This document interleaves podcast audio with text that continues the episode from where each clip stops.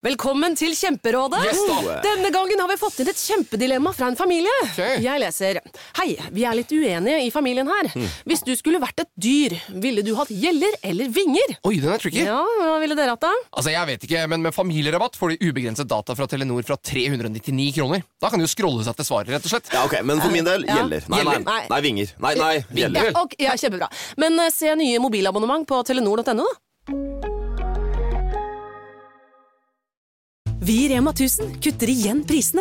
Nå på en mengde påskefavoritter. For eksempel kutter vi minst 25% på gourmetstykket fra Hatting, 150 gram bacon fra Nordfjord, rett i koppensuppe fra Toro og andre påskefavoritter. Alt dette og enda flere priskutt på minst 25% For det er sluttsummen på påskehandelen som teller. Og husk at vi fortsatt har fryst prisen på over 1000 varer. En podkast fra Podplay. Three, two, one. When liftoff. One, two, three, four, five, five, four, three, two, one. Enter bed. Okay, we checked all four systems, and there you go on modulation, all four, and keying with a go. Tranquility base here. The Eagle has landed. Galskap, galskap og et snev av genialitet eh, her, eller og noe satan. Dette er jo en cocktail laget for suksess, vil jeg påstå. Eh, velkommen til Romkapsel, Satan og Bomber spesial. og diverse. Dette er vel vår første episode hvor vi kanskje er nødt til å gi en sånn liten advarsel at det kan komme skildringer av seksuell natur i denne episoden. For vi, altså, vi har folk av alle aldre som hører på, så bare så at jeg er klar over det. Det blir ikke veldig eksplisitt, men vi må bare si at denne mannen vi skal snakke om i dag, han eh, holdt på med demoner og til dels eh, Satan, og eh, faktisk eh, også sexorger. Det var en del av religionen hans. Det er helt perfekt. En kirke som jeg kunne vært medlem av. Eh, og så tenker noen nå hm, dette høres litt kjent ut.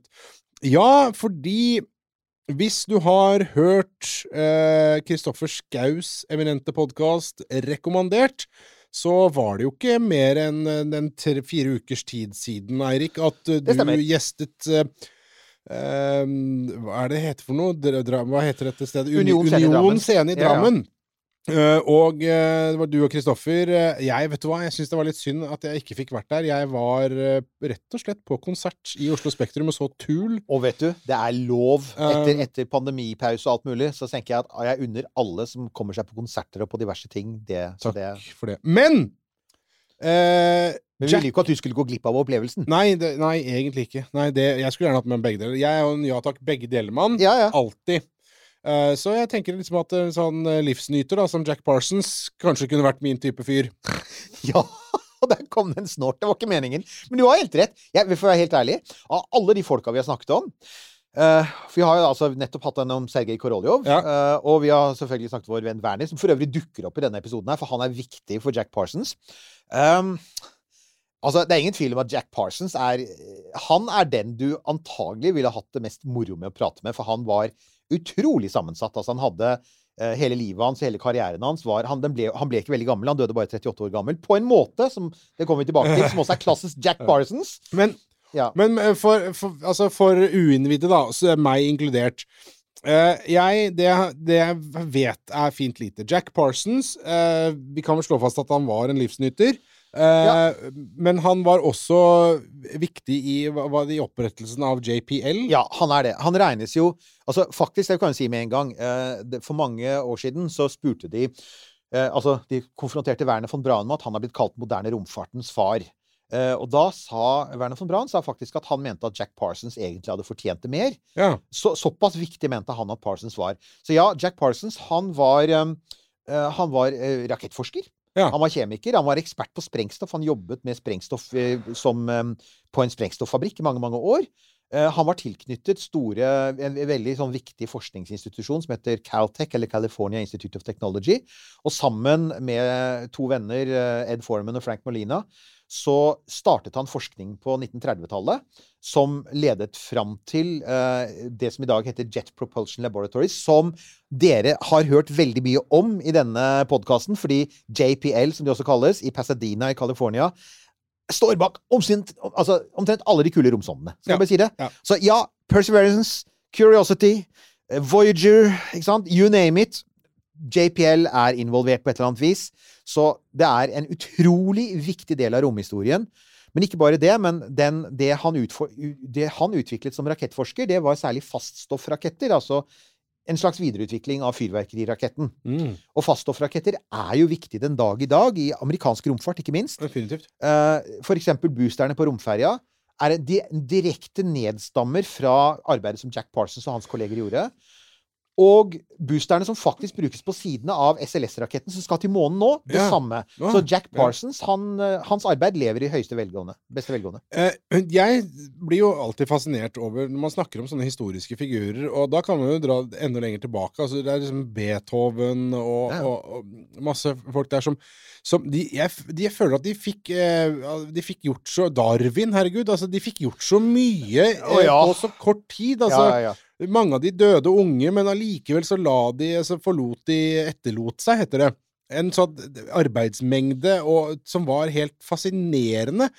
Kan vi skylde på fjernsynet, rett og slett? Altså, så, for at da Du sier blir for noe. mye dødtid. Ja, men altså, på den annen side så har vi jo altså igjen, som uh, han som vi også alltid nevner i hver episode, altså Elon Musk har gjort utrolig mye på veldig kort tid, og han er et barn av TV-alderen. Så, så det er ikke noe tvil om at, uh, at det går an å få til mye. Uh, Steve Jobs er et annet eksempel, og for, jo. for Bill Gates. Alle sammen vokste opp med TV. Men jeg tror det fins altså En ting som alle disse for øvrig har til felles Ett personlighetstrekk de har til felles, er at de er ganske monomane. Ja. Altså, de, de får ting de blir utrolig fascinert av, og så klarer de ikke å snakke om noe annet. Og fordi de blir så monomant opptatt av det, så får de gjort innmari mye. Ja. På, og, og der kan jeg si at de fleste av oss er mer sånn det som på fagspråk heter generalister. ikke sant? Ja. Altså, vi gjør ganske mange ting. Vi, Det er en fordel med Aspergers, altså i hvert fall en eller annen form der. ja, ikke sant? Altså det der, nettopp det der muligheten til å ha sånn laserfokus på ting. Ja. I den grad at du på en måte kan ignorere folk rundt deg. Altså jeg kan si at eh, ikke sant? De fleste av oss har familier, de fleste av oss har arbeid, de har venner. De har et sånt, et, sånt større sosialt nettverk som de kanskje vil ta vare på. Du skal ikke ha lest mye, eksempel. Jeg leste om hvordan Steve Jobs var privat. Jeg har lest flere biografier om mannen, og de, andre, disse andre. Altså, han var ikke veldig sosial. Altså, han var jo først og fremst opptatt av å jobbe, jobbe, jobbe, jobbe, og, og, og, og jobbe fram disse visjonene sine. Ja. Og, der er jo også da uh, John Parsons. Og for øvrig, altså fødenavnet hans var jo ikke John Parsons, men Marvel Parsons. Og jeg tenkte han er jo egentlig en Marvel-helt. Hallo. Så her er det, kan jeg si, altså Hollywood. navnet. Ja, John er jo liksom ah, Ikke sant? Nei, det var, var mora hans da som begynte å kalle ham for, for John eller Jack. Så uh, han ble jo da hetende det resten av livet. Men han, han er da født i, i Pasadena, som altså da er en er en liten by, en kommune, en sånn forstad slash by utafor selve Los Angeles. Jeg har vært der, og, og må si at eh, Pasadena er veldig mye hyggeligere enn Los Angeles. Ja. Det er mye mer sånn der, grønt, og det er koselige gater, og det er lave hus. Det er ikke det der voldsomme sånn femfelts motorveier forbi skyskrapere som du har i sentrum av Los Angeles. Eh, Og, og mer velstående. Så du påstår at Los Angeles har, faktisk har et sentrum?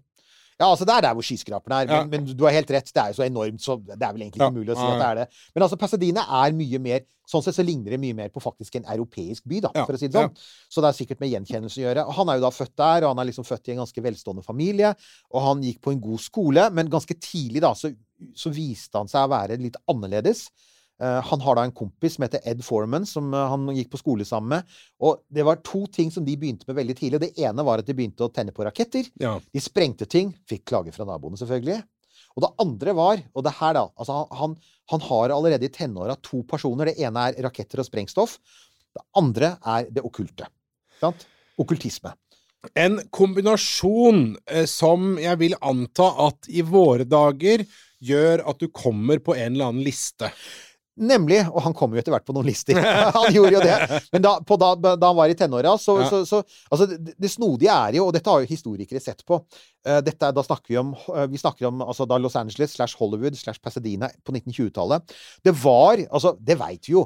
Uh, Det er mye rare religioner i Hollywood. Altså, Ja. du har Ja, ja. Hallo, scientologene. Ja Hva sa du?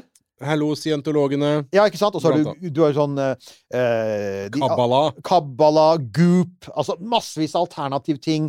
Yoga. Så Hollywood har faktisk vært der hele tiden, har man påpekt. Det har alltid Ja. vært, de har alltid vært ganske sånn fascinert av alternativer til de store Du, verdensreligionene. hva er det han heter for noe? Han LaVey? Er det det? Anthony LaVey? Var ikke det han som hadde den derre Church of Satan?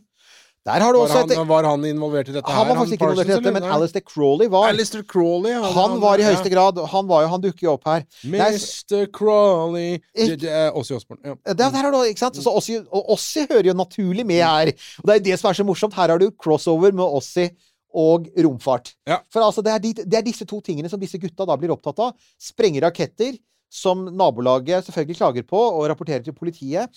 Og da, eh, om kvelden, så, så jobber de så, så leser de sånne svartebøker, ikke sant? Som naboene klager på om eh, rapporterte politiet. Ja!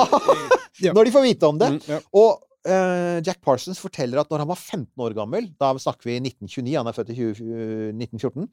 eh, han er 15 år gammel, så, så, stå, så er, er han alene på rommet sitt. Det er sånn som Altså, hvis, hvis dere har tenåringer i huset Tenåringer gjør mye rart, men dette her håper jeg ikke at tenåringen din gjør.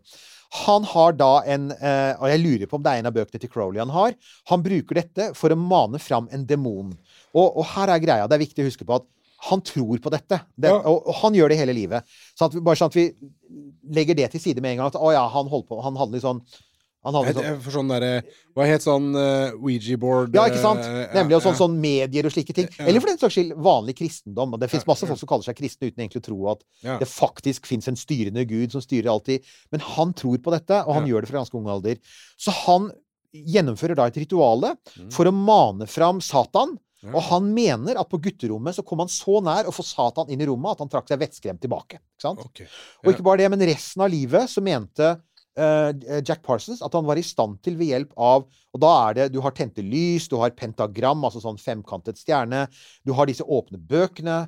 eh, du kan bruke dyreblod. Du har seks seksuelle ritualer. Du kan da ha sex med en dame, eller med en mann, hvis det passer seg sånn, på pentagrammet. Og dette skal fremkalle demonene. Og gang på gang på gang gjennom hele livet så forteller han jo at jo, men dette skjedde jo. Altså, de mente jo at De, de, de, så, de så jo at dette eh, At det kom eh, hylende demoner, banshees for eksempel, kunne komme midt på natten, hamre på vinduet, smelle med dører.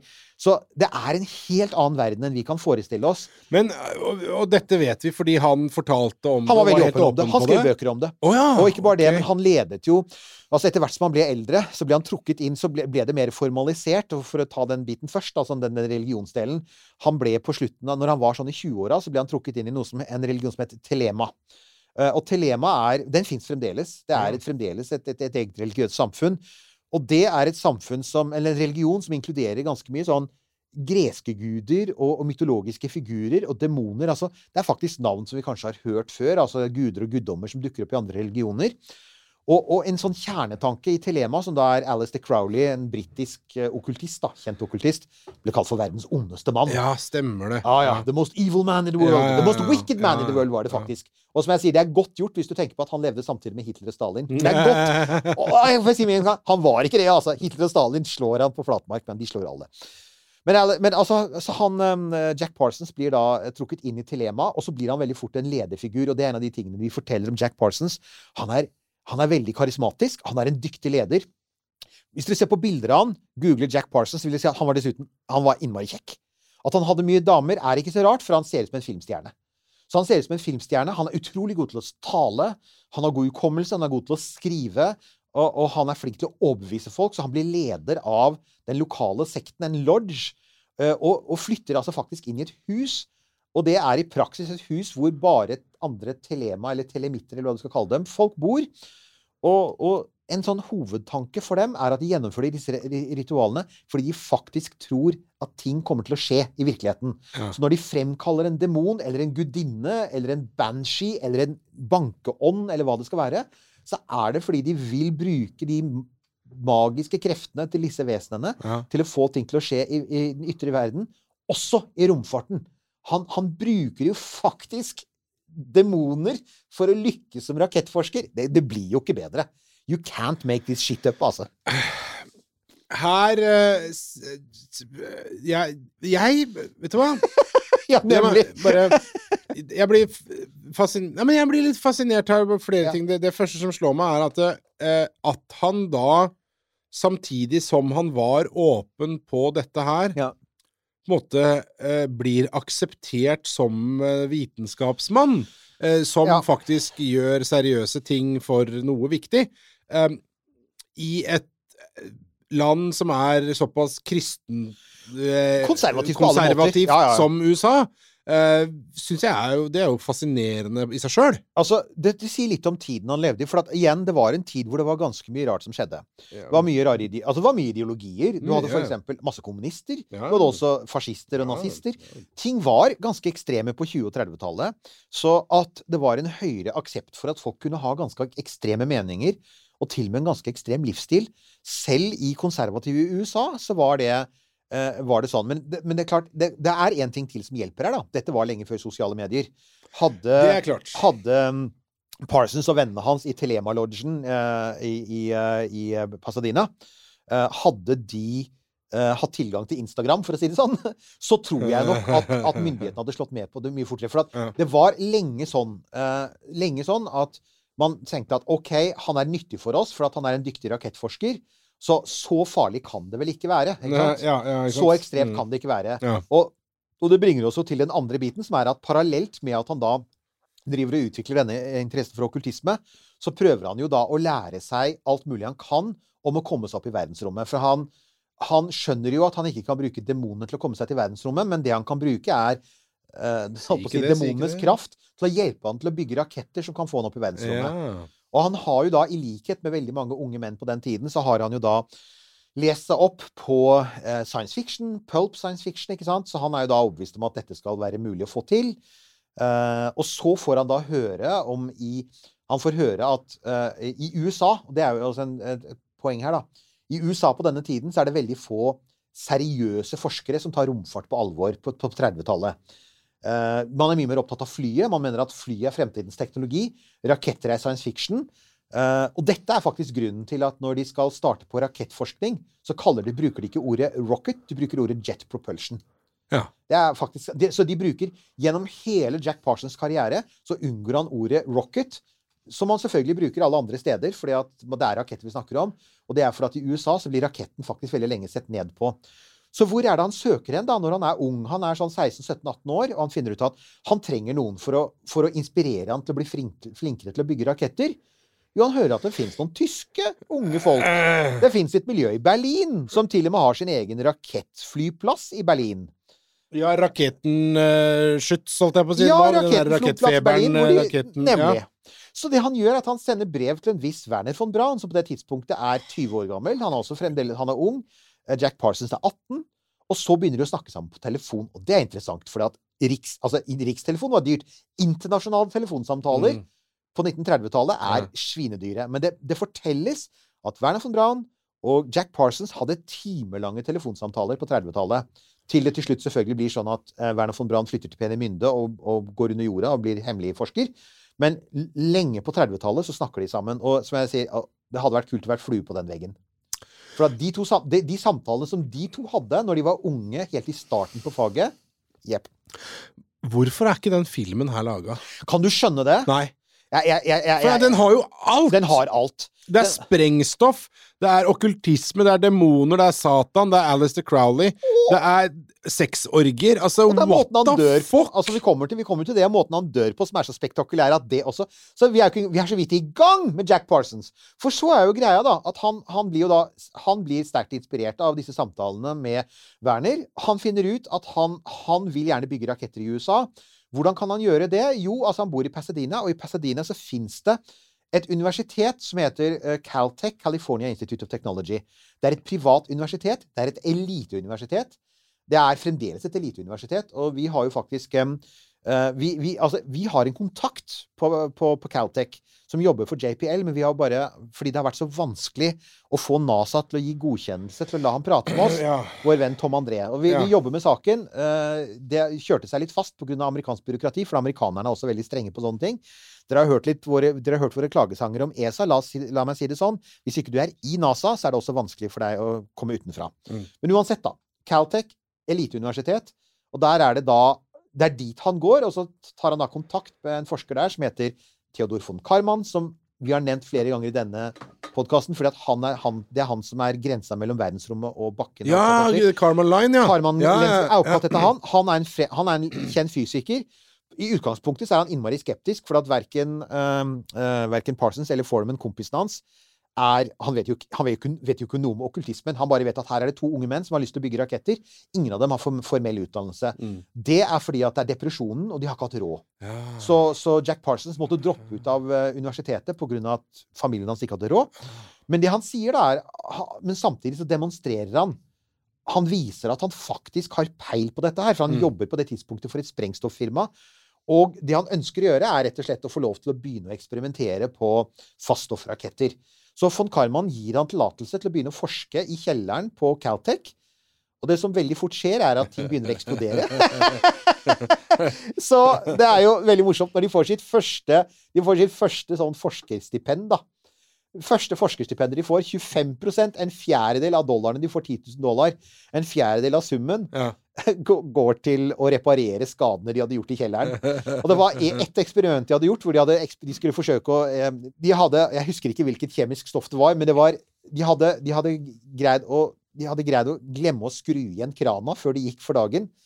Sånn apropos som, som det skjer når f.eks. en eh, radiator eksploderer og det lekker utover gulvet. Sånn, sånn for å ta et sånn aktuelt eksempel. Men ja, og, og neste morgen, når de kommer på jobb, så er alle instrumenter, alt som er av metall i hele bygningen, Ja. er da dekket av rust. Det er korrodert pga. Dette, dette kjemikaliet. Ja. Så de må da bruke masse penger og masse tid på å, å, å fjerne all rusten. Så ja, det ble etter hvert en plage, fordi at eksperimentene var farlige, og de var høylytte. Så gutta blir da beordret til å ta det vekk fra Caltech, som ligger i Pasadena by. Og så drar de noen kilometer nord, og, nord for Pasadena til et område som heter Arroyo Seco, som betyr noe sånn tørr dal eller noe sånt noe. Og det er, et, det er en sånn liten sånn slukt, en liten dal noen kilometer nord, som er, hvor det ikke bor noe særlig folk. Det vil si, det bor jo naboer i nærheten, og de klager til politiet, men, men de, i likhet med naboen i Boca Chica, de blir ikke hørt. It's a, it's a Caltech operation, it's er- fine. Ikke sant? Yeah. Så, de, så de, de begynner å smelle ting. Uh, og det er jo nære på, altså. De dreper Altså, de, de er jo Altså, de tester jo rakettmotorer litt etter sånn innfallsmetoden. 1202. Nå lønner det seg å hamstre påskekosen hos Ark. Ark inviterer nemlig til påskefest med skremmende bra nyheter, pocket fra 99 og 40% på alle spill og puslespill. Ark-påske betyr rett og slett mye påske for pengene. Så fyll opp med påskens favoritter i nærmeste Ark-butikk eller på ark.no. Ja, for det jeg ser for meg her, her har du da altså to ambisiøse unge herrer, noen mer opptatt av det okkulte enn andre, som på en måte får en eller annen form for sånn godkjennelse for å få lov til å holde på med noe litt sånn eh, eksplosive greier, litt sånn vekk fra folk. Ja. Eh, da ser jeg jo for meg at man kan eh, gjøre litt sånn on the whim-tester, ja. Ja, det, og det fins jo en, en, sånn legendarisk episode hvor, er, altså, hvor de faktisk er eh, Altså, rakettmotoren eksploderer, og det er rene tilfeldigheter som gjør at ikke splintene treffer dem og dreper dem. Eh, og det er jo uh, Det skjedde jo bare noen år før med en av Tysklands største rakettpionerer, Max Wallier. Han gjorde jo det samme. Han eksper- eksperimenterte på egen hånd. Rakettene eksploderte, og han ble drept av splintene. Eh, og det er da eh, von Karman finner ut at her trenger de støtte. Og det, det, det de først og fremst trenger, er noen som kan ta det fra det rent praktiske stadiet til å også få litt matte på det. Ja. Du må regne på liksom sånn, og kanskje hjelpe dem til å rigge opp et bedre eksperimentopplegg. For sånn som det er nå, så driver de faktisk og forsøker å skyte raketter opp i lufta. Ja. Og de veit ikke hvor kraftig rakettmotorene er. De klarer ikke å regne ut nøyaktig hvilke blandinger de skal ha, for at de jobber i utgangspunktet med svartkrutt. Men så veit vi at svartkrutt er ikke nok. Det gir ikke nok kraft til at noe skal fly høyt opp. Så de, de trenger nye kjemiske blandinger. Så han får inn en tredjemann på laget som heter Frank Molina. Og Molina er også viktig for er liksom, Det er de tre sammen, da.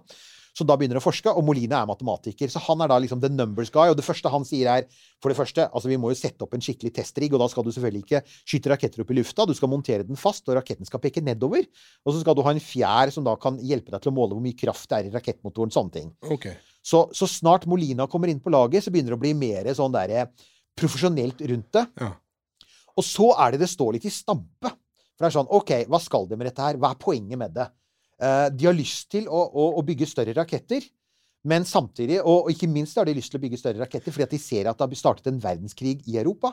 Og da, nå er vi på 40-tallet. Da er vi på slutten av 30-tallet. Ok, det er ja. 1939. Ja. Eh, og alle disse tre er også ganske politisk aktive. Eh, Molina er, jo aktiv kommunist. De to andre er liksom mer sånn pasifister og sosialister. Og okkultister. Ja, okay. Så det er litt av en blanding. Og, og de finner ut at de vil jo gjerne hjelpe til med å bekjempe fascismen, men, men det er ikke mye gehør å få i det amerikanske samfunnet, fordi at de vil holde seg utenfor krigen. Ja. Og det som redder prosjektet, det er jo faktisk Pearl Harbor. Det var akkurat det jeg satt og tenkte nå. Ja. Ja. 7. desember 1941, Ja. da, da forandrer alt seg, og plutselig så går amerikanernes uh, sånn Nja, er raketter godt for noe? Ja. Til å bli sånn Oh oh shit. Uh, ikke bare her Altså, tyskerne bygger svære raketter. Det var begynt å lekke ut. Uh, sovjeterne drev jo og bygde raketter. Japanerne holdt på med raketter. Og vi har ikke noe rakettprogram, og vi trenger raketter, ikke sant? Ja. Og da har jo disse, disse her gale Sitter en der da og tenker Fader, er ikke en sånn gæren satanist ute i Ja. ørkenen. Vi hører med han. hører med han. På dette tidspunktet så er jo ikke satanismen hans så velkjent, men han blir jo da rett og slett De får militære penger, og det forandrer alt. Og plutselig så åpner det seg en sånn bunnløs pengesekk. Og det de da blir satt til å jobbe med, helt konkret er altså, For at i likhet med Werner von Braun, og i likhet med Sergej Koroljov, så vil jo egentlig Jack Parsons til verdensrommet. Han vil til månen. Ja. Og, og i likhet med de to andre, så er det sånn eh, Nei, du skal ikke til månen. Du skal bygge raketter for hæren. Ja, ja, ja, ja. sånn? Du skal bygge våpen. Jo, jo. Eh, og, og det ender han jo da Det ender da disse tre karene opp med å gjøre. Og det de da får i oppdrag, er å bygge eh, Det amerikanske Altså, amerikanerne har jo to forskjellige kriger, egentlig. De har en krig i Europa, og der har de svære bombeflykampanjer mot tyske byer. Så har de den store krigen i Stillehavet. Og i Stillehavet har de jo et stort problem, og det er at eh, mange av flybasene er enten på små øyer, eller fly må ta av fra hangarskip. Ja, nå vet jeg hvor du skal. Så Nemlig. det de da ender opp med å lage, er disse boosterrakettene til flya. Jepp. Og disse rakettene da heter De er forkortet um, JATO, eller Jet, Assist, Jet Assisted Takeoff. Fordi at igjen, du sier ikke rocket, Nei. du sier ikke Rato, du sier JATO, fordi at rocket er fy-fy. Fremdeles, altså. Det er helt utrolig. Uh, og det man da Det, det som da um, uh, Som Parsons og Molina og Foreman får rett og slett har som jobb da, fra da av, det er å lage en rakett som for det første kan gi særlig bombefly. Bombe, to, altså tunglastede mm. bombefly. 30-40% ekstra boost under, under, av- under takeoff, Ja. så at de kan komme seg for eksempel opp fra en liten øy i Stillehavet, eller fra dekket på Du, et hangarskip. sånn, for, det, ja, for dette her har jeg sett, og det har de også brukt. Sånne typer raketter bruker de jo fremdeles. Ja, ja. J2 Eh, er standard. Eh, Jeg har sett sett det på så Hercules C130. Er så har jeg sett uh, de sånne raketter, og de er, det er eh, to, to stykker. En på hver side av flyet. Veldig sånn chunky saker. saker. Som bare, og da er det nesten sånn vertical takeoff på det svære lasteflyet. Og så detter de av etterpå. Og det er her da payoffen kommer på å høre, for å høre på romkapsel, og, og i tillegg til å høre på rekommandert. For det var det som vi ikke fikk tid til å snakke om på rekommandert, som er nøyaktig hva var det de gjorde, da? Hvor er gjennombruddet? Fordi at altså, I utgangspunktet så starter du med en fyrverkerirakett, svartkrutt. Man skjønner at en fyrverkerirakett er ikke kraftig nok. Du skal ha masse kraft i en kompakt liten pakke. Du skal ha en ting til. Den skal kunne Altså, du skal kunne lage ferdig rakettene, og så, og så skal de kunne fraktes på et skip over Stillehavet. Og ofte hvor temperaturen er veldig høy, det er veldig høy luftfuktighet. Det fraktes på et skip, vil si at det, det, skrangler Altså, båten eh, beveger seg jo. Ja. Og selv om det ligger i kasser, så vil det si at det er en viss bevegelse.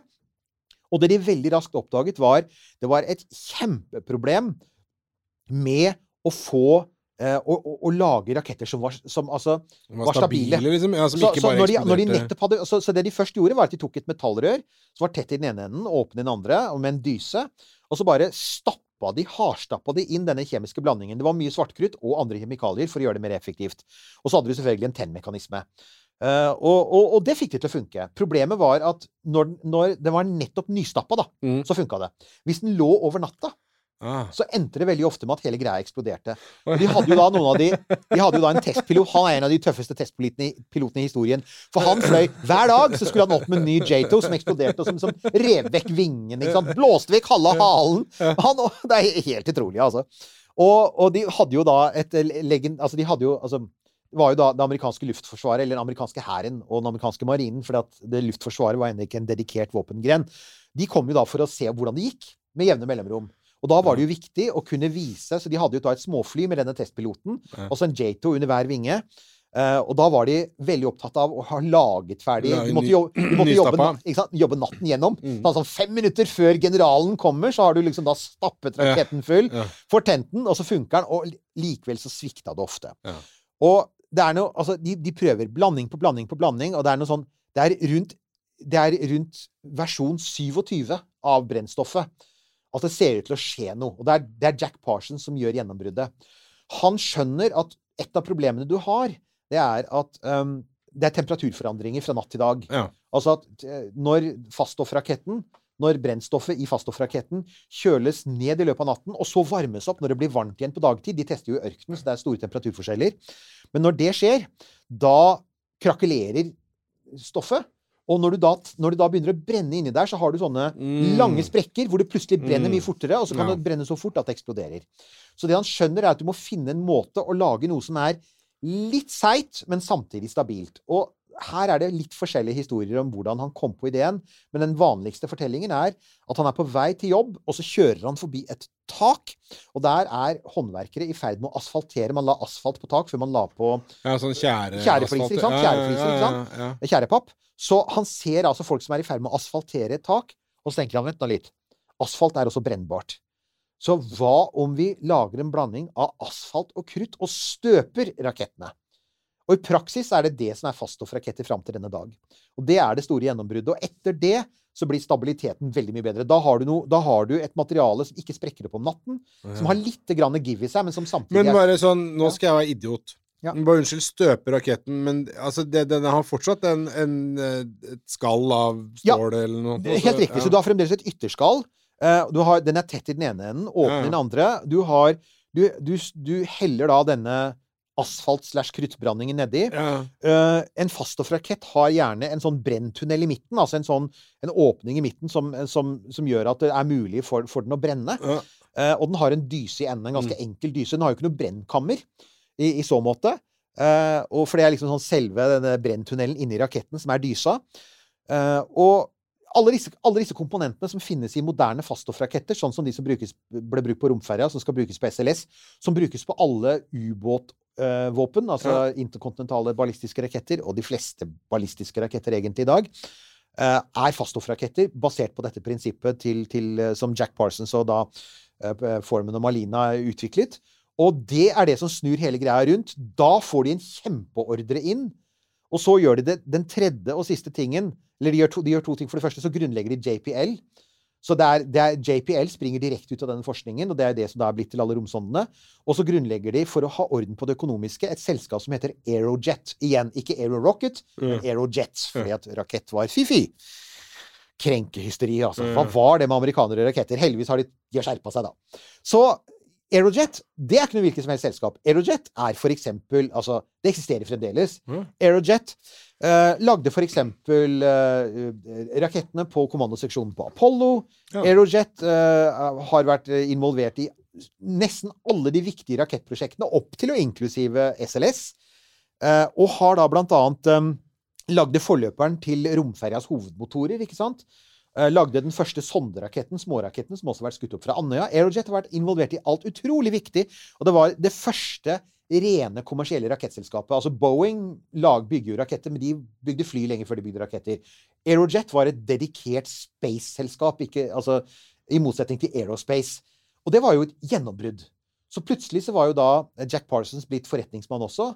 Eh, og det er her, da, sånn rundt 1943-1944, når han blir sjef, en av direktørene for eh, Aerojet, at han får utrolig mye penger mellom hendene, og det nesten alle pengene han tjener, pumper han inn i okkultismen sin. For å dukke den opp igjen! For nå er vi tilbake der vent- igjen. Jeg har venta Det på at det skulle skje. komme Men det er en lang periode. altså Under Ja. hele krigen så er han jo aktiv. Han er aktiv i Telema. Ja. Uh, han er leder av det som heter Agape Lodge. Det er altså et hus i en stille gate i Pasadena, et stort, gammelt herskapshus, der alle som er interessert i Telema, kan flytte inn og bo. Det er som et stort kollektiv.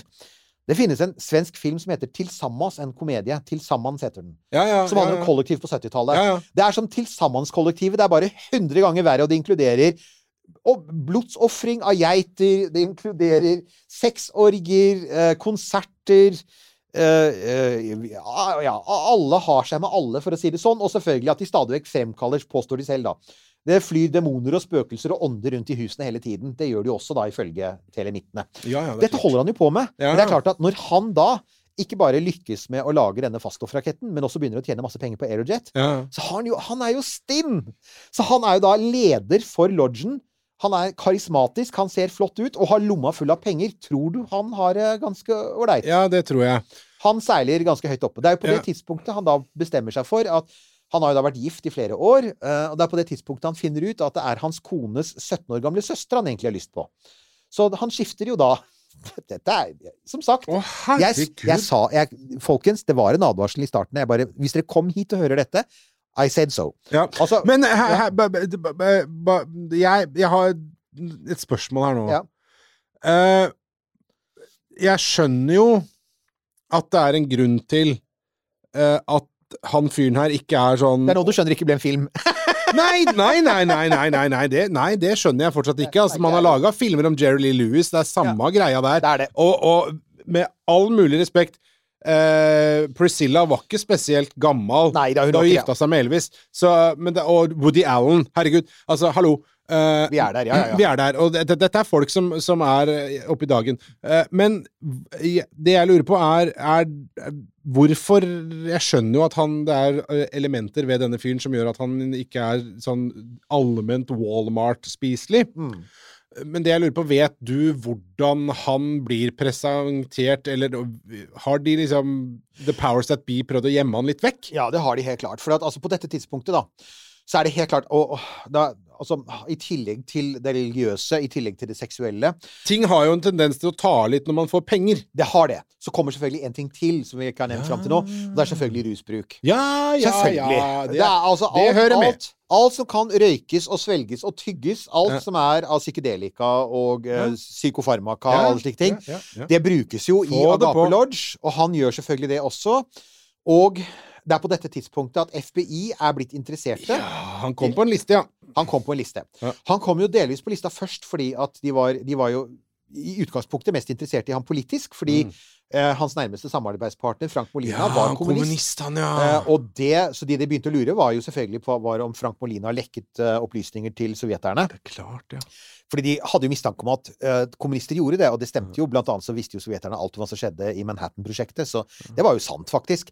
Eh, så, så de begynte å undersøke det, men så oppdaget jo at det var jo Altså, det var jo på det tidspunktet kommet mange klager fra naboene. Politiet hadde vært involvert.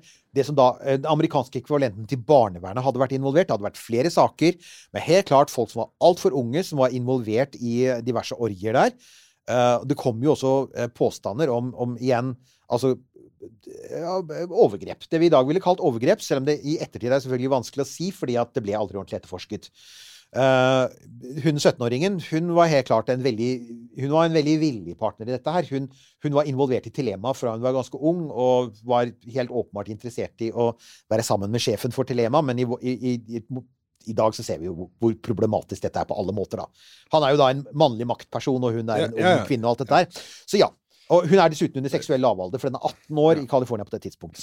Og i tillegg så er hun da søstera til Å, det er eh, søster! Og det er alt Ja. mulig, ikke sant. -hmm. Så er jo da greia at FI kommer inn i dette her, og det de oppdager, er denne. Det er alt, alle disse f- reelt sett lovbruddene. Og de begynner å se på han som en sikkerhetsrisiko, for det de også tenker, er at dette er noe som kan brukes mot ham. Mm. Altså sovjetiske agenter, eller for den saks skyld tyske eller japanske agenter, kan bruke denne utsvevende livsstilen for å presse hemmeligheter. Og de jobber jo med topphemmelige ting. Det er, disse rakettene er utrolig nyttige. og alle ser jo at disse rakettene kan brukes til andre ting også. At de kan brukes til, til angrepsvåpen, ikke bare til uh, Jato. Så eh, det som skjer faktisk i 1944, er at han får et ultimatum, og det er at du, du må rett og slett forlate selskapet. Oh ja. Ja, så han blir tvunget ut av Han mister sikkerhetsklareringen, og blir også tvunget ut av Aerojet. Og blir kjøpt ut med en sum på Han, han, han bestemmer seg for å ta uh, en cashsum istedenfor å beholde aksjer. ja. Tar 11 000 dollar, som, som på det tidspunktet fremdeles er ganske mye penger. Jo, jo, men det er jo det, men allikevel. Det er ikke så mye forlater, han forlater uh, Aerojet, og plutselig så er han egentlig stuck i denne lodgen. Der, da er det 44-45. Og han har jo ikke egentlig noe jobb lenger. Og, og er ganske frustrert på det. Og så er det at det har, på det tidspunktet har det flytta inn en kompis uh, an i lodgen som heter L. Ron Hubbard. Jeg vet ikke om du har hørt det navnet? Kødder du med Nei, meg?! nei, jeg sier at denne historien har alt. Herregud! Jeg, altså, jeg er så stolt av at du nevnte scientologi i stad, så sa Ja. jeg ikke bare vent og se. Ja. Men ja. Scientologiens grunnlegger, folkens. L. Ron Hubbard. Han har vært tilknyttet Telema. For øvrig, scientologikirken har jo da truet folk med søksmål for å ha sagt at han var telemit. Fordi de sier at nei, han, var i, han, han bodde i Agape-lodge ikke for å ha sex og, dri, og dyrke fram demoner. nei, nei. nei, nei. Han bodde i Agape-lodge for å være han For var det plant, intellektuelle samarbeidet. Ja, pluss han var plantet av FBI og hjalp myndighetene. Ja, mye. Ja, ja, her er greia. Så skjer jo da dette at L. Ron Hubbard blir interessert i eh, Sarah, som hun ofte kalles, Sara, eh, som da er denne 17 år gamle, nå 18 år gamle jenta. Som, så han, de blir da sammen. Nei, nei! Jo, jo, jo. Og så er det de da sier til Så sier de til til godeste uh, Parsons. De sier du, uh, Jack. De der 11 000 dollarene dine Vi har vi, Dette er, det, er, det, høres ut som en sånn Du vet sånn fra en sånn prins i Nigeria. Um, det finnes tre seilbåter som skal selges i Florida. Det er jo på motsatt side av kontinentet. Mhm. Vi tenkte oss Hvis vi kan få dine penger, så kan vi ta dem, så kan vi kjøpe de seilbåtene. Så seiler vi dem gjennom Panamakanalen. Og så kan vi selge dem i California til mye høyere fortjeneste! For seilbåtene er billige i Florida, for der er det mange av dem, og det er få av dem i, i, i California. Og han bare Ja ja, å ja, og du sier at onkelen din er satt i fengsel, og at jeg kan få dobbelt så mye penger hvis jeg bare sender dem til deg. Ja, men det Ja, gjør jeg jo, ikke sant? ja, Så han, han gir dem jo da pengene. Hvem er det han gir disse pengene til? Han gir pengene til L. Ron Hubbard og hans da eh, L. Ron Hubbards nye dame, som var hans tidligere dame. De drar av gårde til Florida, og så blir han da Får han høre rykter om at um, det er ikke helt som han tror det er. Og ganske riktig, det viser seg at L. Ron han har funnet ut at han skal jo da ikke Han skal jo ikke kjøpe tre seilbåter og seile dem til California. Han skal kjøpe én seilbåt, og så skal han seile jorda rundt og seile inn materiale til sine romaner, som etter hvert blir de bøkene som blir til Dianetics, som blir til scientologien. Så plutselig så skjønner jo da Han skjønner jo Jack Parson at han har blitt skamma. Ja. Så han skynder seg så fort han kan over til Florida, som ikke var så lett engang. Det var stort sett tog eller bil, så det tok jo gjerne en uke. Og når han kommer til Florida, så er det for seint. Seilbåten med L. Ron og hans dame, de har seilt ut på sjøen. Og det er da eh, eh, Jack Parsons fremkaller eh, gudinnen, er det Babalon? Han gjør altså, altså det, og han, han, han ber denne gudinnen, og han ser henne jo. Han forteller jo dette etterpå. Ja, ja. Han skriver jo det. Han ser jo da gudinnen fremtrår for han i korpoli-drakt og sier Han ber henne om å, om å hente dem tilbake. Og så oppstår det faktisk en Det oppstår en orkan ute i sjøen, og den driver dem tilbake til land. Og han mener jo det at det er han som da fremkalte Det var Babalon på Ja, ja, ja. Men da er det jo men poenget er selvfølgelig Pengene er da borte. Ja, ja. De er tapt. Ja, ja. Og, øh, og dama er borte. Og det er da det virkelig går, dessverre går litt utfor med Jack Parsons, fordi at han er pengelens. eh, og nå, når han ikke lenger har penger, så går denne lodgen litt i oppløsning. Han finner seg en ny kone, som han for øvrig også tror han frembringer ved hjelp av demonkraft. Han tror egentlig at hun kom til han takket være Ja. demonene. Ja, ja. Uh, og så flytter de sammen, da, og så uh, har han massevis av småjobber. Så på slutten av 1940-tallet, altså etter at uh, L. Ron har skamma han, så har han da Han jobber blant annet på en bensinstasjon og litt på et apotek. Men så er det enda et kapittel. Det stopper ikke, nemlig. Uh, har du hørt om Howard Hughes? Howard Hughes, Hughes Aerospace, ga, han, som en, han som endte opp i et hotellrom pakket inn i plastikk fordi han, han, jo, han ble helt gal til slutt. 1202. Ja, ja, det er jo Å gud, hva heter, er, hva heter den filmen med Leonardo DiCaprio? Er ikke det Ikke sant? The Aviator. Ja, ja, ja, ja, ja. Verdt å se. Ja. Morsom film og trist Ja, film. inni Det er sånn øh, Elon, skaff deg en ferie. Du har ikke lyst til å ende opp som Ja. Howard Hughes. For han, det er hva som skjer hvis du bare jobber og jobber og aldri tenker deg ja. Og dessuten blir paranoid. Han, han var jo helt klart alvorlig mentalt syk. På dette tidspunktet så er han jo ikke det. Han er på høyden. Han, er fremdeles, han ser fremdeles litt ut som Leonardo DiCaprio. Mm. Eh, og henger sammen med alle filmstjernedamene. Det er vel på det tidspunktet han annet designer en, en, en, en BH ved hjelp av flyteknologi til jeg husker jeg ikke hva han heter, en kjæresten hans. Han er notorisk for det, blant annet. Og han, brukte jo da sånn spiler som han Ja, ja, ja, okay, ja, ja. Sånn titanstålspiler i en, en, en filmstjerne-BH. Det var det sånn Howard Hughes gjorde på det tidspunktet. Men han driver også Hughes Aerospace. Og, og, og de finner da ut at vet du, vi blåser i dette med sikkerhetsklareringen. Uh, vi, uh, vi finner ut at vi likevel vil ansette han. Så han blir ansatt i Hughes Aerospace en periode som konsulent. Ja. Og da er, jo, da er jo han på den grønne gren. Bortsett fra så kommer FI igjen da, og begynner å sniffe rundt. Eh, og der igjen så er det selvfølgelig alle disse rare tingene han holder på med, pluss at han da har vært venn med kommunister. Nå er det McCarthy-perioden. Det er, 50, det er sånn rundt 1950. Ja. Eh, og eh, USA er totalt kommunistfrykt. Eh, alle slags folk blir stilt for retten. Eh, og hans venn Frank Molina, eh, som da ikke lenger Han er ikke lenger en del av Aerojet, han heller. Han emigrerer faktisk til Frankrike. Ja. Igjen, Frank Molina, bare for å bare spole fort fram, han overlever alt dette her. Han kommer seg fint gjennom det. Han, opp, han, han beholdt aksjene sine. Han, han holder på aksjene sine lenge. Ja. Ender opp med å selge dem, blir søkkrik og lever resten av livet som kunstmaler. Så han fikk en jævlig god slutt. Han, altså. Molina, good on you. Altså, for han ble jaget ut av USA av FBI fordi han var kommunist, men endte da opp som ikke så rent få kommunister, som multimillionær. og maler, og, og, og hadde det egentlig helt greit. Ik så ikke med stakkars Jack Parsons, for på dette tidspunktet så så skjønner han at det går mot slutten på karrieren i Hughes Aerospace. Men nå har han fått enda en gruppe. Nå er det israelerne. Israel er nettopp opprettet. Israel Israel er nettopp vært gjennom en krig. De trenger folk som kan bygge våpen for dem. De er villige til å ta hvem som helst, inklusive en demonutdrivende eller demondyrkende telemitt som Passer jo er rett inn i, i som, ja. grunnmål... Eller formålsparagrafen til Israel, dette her. You can't Ja, ja, make it up. Så israelske De er gode på pragmatisme! Ja da, så det er da en, en pro-Israel-gruppe i USA som da faktisk lokker Frank Nei, lokker Jack Parsons og kona hans med at de kan emigrere til Israel. Ja. Han begynner å gjøre konsulentarbeid for dem. Mm. Da, også, også idet han er i ferd med å forlate Hughes Aerospace, så skjønner sekretæren hans at han er i ferd med å ta med seg noen papirer som han mener han har krav på, for han har jobbet med noen hemmelige ting for Hughes. Hughes mener at det er de som har rettighetene til dem, og sender FBI på han, og det blir en svær sak på en D, og da er det snakk om at ah, har han egentlig da brutt eh, diverse amerikanske hemmelighetsbestemmelser? Han mister jobben. Og så er det de bestemmer seg for å emigrere til Israel. Og så er jo da saken at på denne tiden så har han jo fått seg en liten sidejobb. Han lager spesialeffekter for Hollywood. Ja.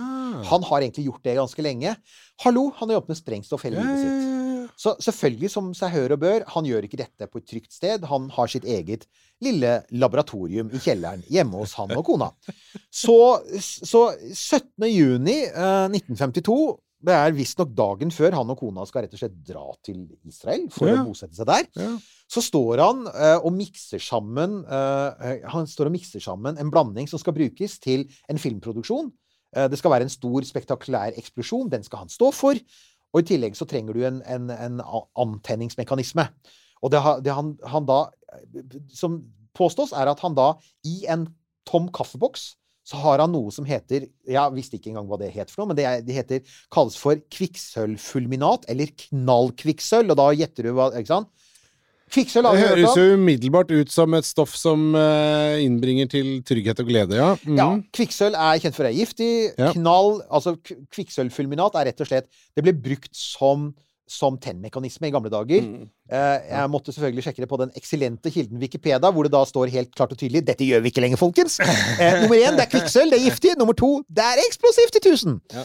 Så han står der med en kaffeboks full av uh, knallkvikksølv, og så detter den i gulvet, og det sier knall. Ja. Og ikke bare det, men eh, fordi at han, hele, hele, hele rommet han står i, er proppfullt av eksplosive ting, ting. så blir det en kjempeeksplosjon. Folk strømmer til, og det de da finner, er Jack Parsons på gulvet. Han har Den ene armen hans er revet av. Eh, alle de andre lemmene hans, armer og bein, er knust. Det er revet et stort hull på siden av ansiktet hans, og han er helt klart dødelig skadet. Altså, han har igjen, han har revet av seg armen. Utrolig nok så lever han i en halvtime, så de kan så vidt høre. De, de, de prøver å kommunisere med han. Ehm, så kommer ambulansepersonellet til stedet eh, og prøver å få han til sykehuset, og han dør. Eh, og så er det da at når moren hans får høre om det, så blir hun så fortvilet at hun umiddelbart tar en overdose med sovemedisin og dør fem timer seinere. Det er bare drama, altså. Og så er det jo da, så blir jo dette Dette er tross alt det er, det er Hollywood er fremdeles et ganske lite sted. Det har vært en kjempeeksplosjon i et hus i Pasadena. Pressen er veldig opptatt av det. Og det første her kommer da forklaringen, mener mange, på at Jack Parsons ikke har fått en egen film. At Marvel Parsons ikke er en Marvel-helt. Mm. Pressen skriver om Først så skriver de om at han jobber for Forsvaret. De skriver om at alt arbeidet han har gjort på Jato, og at han har vært med på å grunnlegge JPL, at han var en fremragende rakettforsker. Så begynner de å grave litt. Og så var det sånn Men vent nå litt, er ikke dette den samme mannen med uh, disse unge damene og uh, denne, uh, denne Alistair Crowley og djevledyrkingen og demonene? Og så begynner alle, altså alle sexorgie tingene å dukke opp, og så begynner selvfølgelig denne koblingen opp mot Israel. Var han egentlig en spion? Og i løpet av noen få dager så forandrer bildet seg fra at han liksom er en helt, til at han blir en utrolig tvilsom type. Og eh, en, en mann som Altså, han blir jo da Altså, ryktet hans blir nærmest pulverisert. Ja.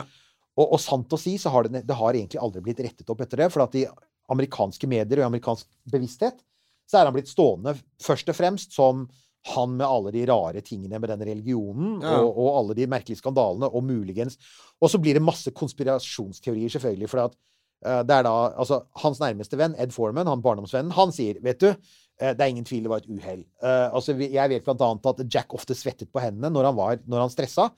Dette var en varm dag, det var juni, det er California, det var varmt. Han, han, han hadde antakelig svette hender, og, og knallkvikksølvet glapp og traff bakken og eksploderte.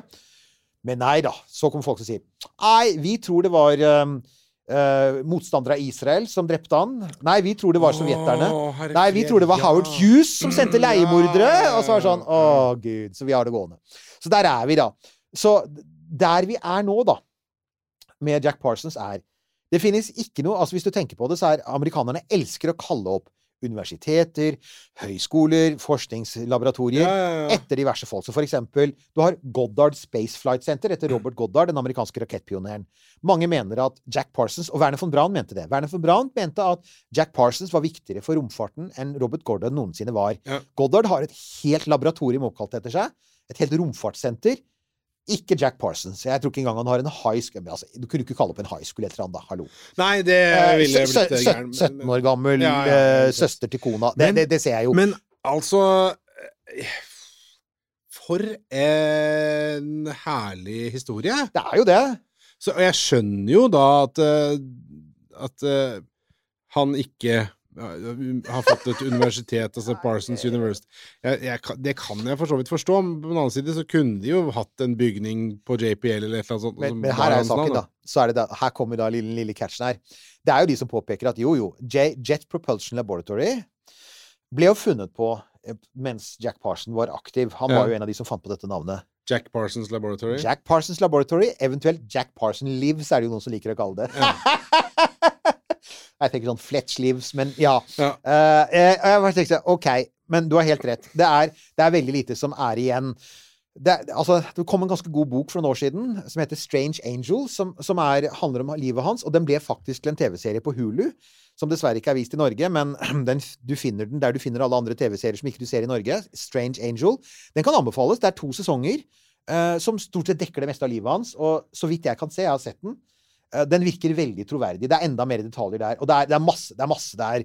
eh, det, er, altså, det, er masse det andre Han var for eksempel En av, en av konspirasjonsteoriene, for å ta den siste konspirasjonsteorien, er jo at Los Angeles-politiet drepte han. Og det er fordi at på 1930-tallet så ble han nasjonal kjendis da han var ekspertvitne i en sak der det gjennomkorrupte LA Police Department um, hadde forsøkt å drepe De drepte faktisk en varsler i, fra deres egne rekker, en politikaptein. Uh, og Jack Parsons var han som viste hvordan bomben som drepte denne varsleren, var blitt plassert i bilen hans. Okay. Og det fins et bilde, Wikipedia-artikkel om Jack Parsons viser Jack Parsons Der ser du for øvrig at han ser ut som en filmhelt fra 30-tallet. Han står der med denne bomben. Og visstnok så hatet jo LA-politiet hatet jo han og ville jo alltid ha noe på han. Som var en av grunnene til at de stadig bare besøkte han hjemme i eh, Ja, det- dette- Ja, ja. Og I ettertid så tenker jeg at ja, men akkurat der kan jeg faktisk skjønne dem litt. Det er synd at- det, som er, det som er synd, da, det er at vi har, vi har jo allerede vært borti dette før. Romfartshistorien er litt som dette. Altså, Man prøver å gjøre den Amerikanerne særlig er veldig opptatt av det. De prøver å gjøre romfartshistorien clean. Ja, ja. Derfor så har de brukt mye tid på å rense ryktet til Werner von Braun. Jo da, ja, ja. Ikke sant? ja, ja. Og det er ikke et godt rykte, det veit vi. vi som Jo. har, ikke sant? Og, og det samme Jack, og, og Jack Parsons klarer de på en måte ikke. Og, for det, Werner von Brans verste forbrytelser, som er mye større enn noe som Jack Parsons noensinne gjorde Ja. Han hadde ikke slavearbeidere, det skal si. Han var ikke, han var ikke venn av Hitler. men, men det skjedde i Tyskland. ja, ikke sant. Ja, Var langt unna. Ja. Og det skjedde med Ja. folk du ikke så. Mm. Jack Parsons var midt i Hollywood. Det Ja. var Hollywood. Han, var, han jobbet for Hollywood. Så han var midt i liksom sånn det amerikanske samfunnet. Og han var, og var omgitt av kjente personer fra Mm. amerikansk politikk og samfunnsliv. Så det ble mye vanskeligere på en måte å distansere seg fra det han gjorde. Jo, det, ja da, men nå er i hvert fall jeg sånn anlagt at det må jo være mulig å kalle fyren en fargeklatt, da! Ja, er det ikke det? Og det er det jeg tenker. Så det jeg håper på, er jo at noen på et eller annet tidspunkt finner ut at vet du hva, han må vi snakke Vi, vi, må, vi må ta han, ta han fram igjen. Så får vi heller være ærlige på at han hadde noen innmari problematiske sider. Ja, og, ja, Eh, men og at han altså var sektleder, men igjen Ja da, men herregud, hvem har ikke vært sekt... Nei, vent da. Eh, Nei, men altså men Jeg vil bare Det derre Jeg vet ikke om er eller hva de har gjort, eller i hvilken grad de har gjort det, liksom prøvd å så eh, vaske eh, Werner von Braun eh, Det er jo Det Hans bakgrunn og hva han holdt med på, er jo viden kjent. Eh, og så er jo Ja, det er nå en del av han, men så valgte de nå likevel å bruke ham for det han var verdt, Werner von Ja. Braun. Eh, og han er Du kan ikke ta fra han den posisjonen han fikk for, i romfarten. Eh, fordi det, altså, uten han så hadde de ikke. Og, Det og på samme Ja. måte da med Jack Parsons, som er Ja, uh, det er vel uh, Man går ikke langt ved å kalle han litt utafor Han var ikke akkurat A4. Han var ikke A4. Men en fargeklatt uh, fyr, men allikevel en type som uh, hadde en viktig uh, hånd med på verket som er romfarten. Ja, og det er akkurat det. Og det er noe igjen med dette her med Noe av det som gjør romfart interessant, da, er jo altså, altså Ja, det handler om verdensrommet, og det handler om disse store visjonene. Men la oss bare være ærlige. Romfarten er full av sånne figurer. Vi har det akkurat nå. Vi, altså, vi, har en, vi, vi snakket om han i forrige episode. Ja. Elon Musk er på mange måter litt av det samme. Han er utrolig sammensatt, komplisert bakgrunn, gode sider, dårlige sider. Og gudene veit hva som foregår eh, hjemme hos Elon Musk eh, når gardinene er trukket for. Ja, det er ikke sant, akkurat det. Og, og igjen noe av det samme. Han, han har et veldig turbulent liv på siden av romfartslivet sitt, som også påvirker det han holder på med som Jo, Og det er sånn, er det en historisk lærdom her å trekke, så tenker jeg det er en ting man skal passe seg litt for. For at er det én ting vi veit at det amerikanske samfunnet kan gjøre, så er det å lande på deg som et piano, altså. Ja, det ja. kommer sånn Du tror du får lov å holde på med å bygge romraketter, og så finner FBI slash skattemyndighetene slash hæren eller hvem det nå er, og finner bare ut at Nei, vet du hva, nå syns vi at du har steppa over, du har gått for langt, og vi ser på deg som en fare for nasjonens sikkerhet. Så bam! Og det er en, det er en sånn yeah, advarsel til alle. Down on you, act like a ton of bricks. Absolutt, ja, ja, altså. Og det er det er definitivt en sånn ting som alle som jobber i det feltet der, må passe seg for. Så det er sånn Er det en historisk lærdom av Jack Parsons? Men ellers er jeg helt enig med deg. Jeg, Ja, jeg, hvis- jeg skjønner ikke at ikke vi er flinkere til å ta inn over oss at dette her feltet er såpass ekstremt. Drømmen om verdensrommet er så ekstrem at den har litt lett for å tiltrekke seg ekstreme folk, og det må vi på en måte deale med. Du har hørt en podkast fra Podplay. En enklere måte å høre podkast på. Last ned appen Podplay, eller se podplay.no.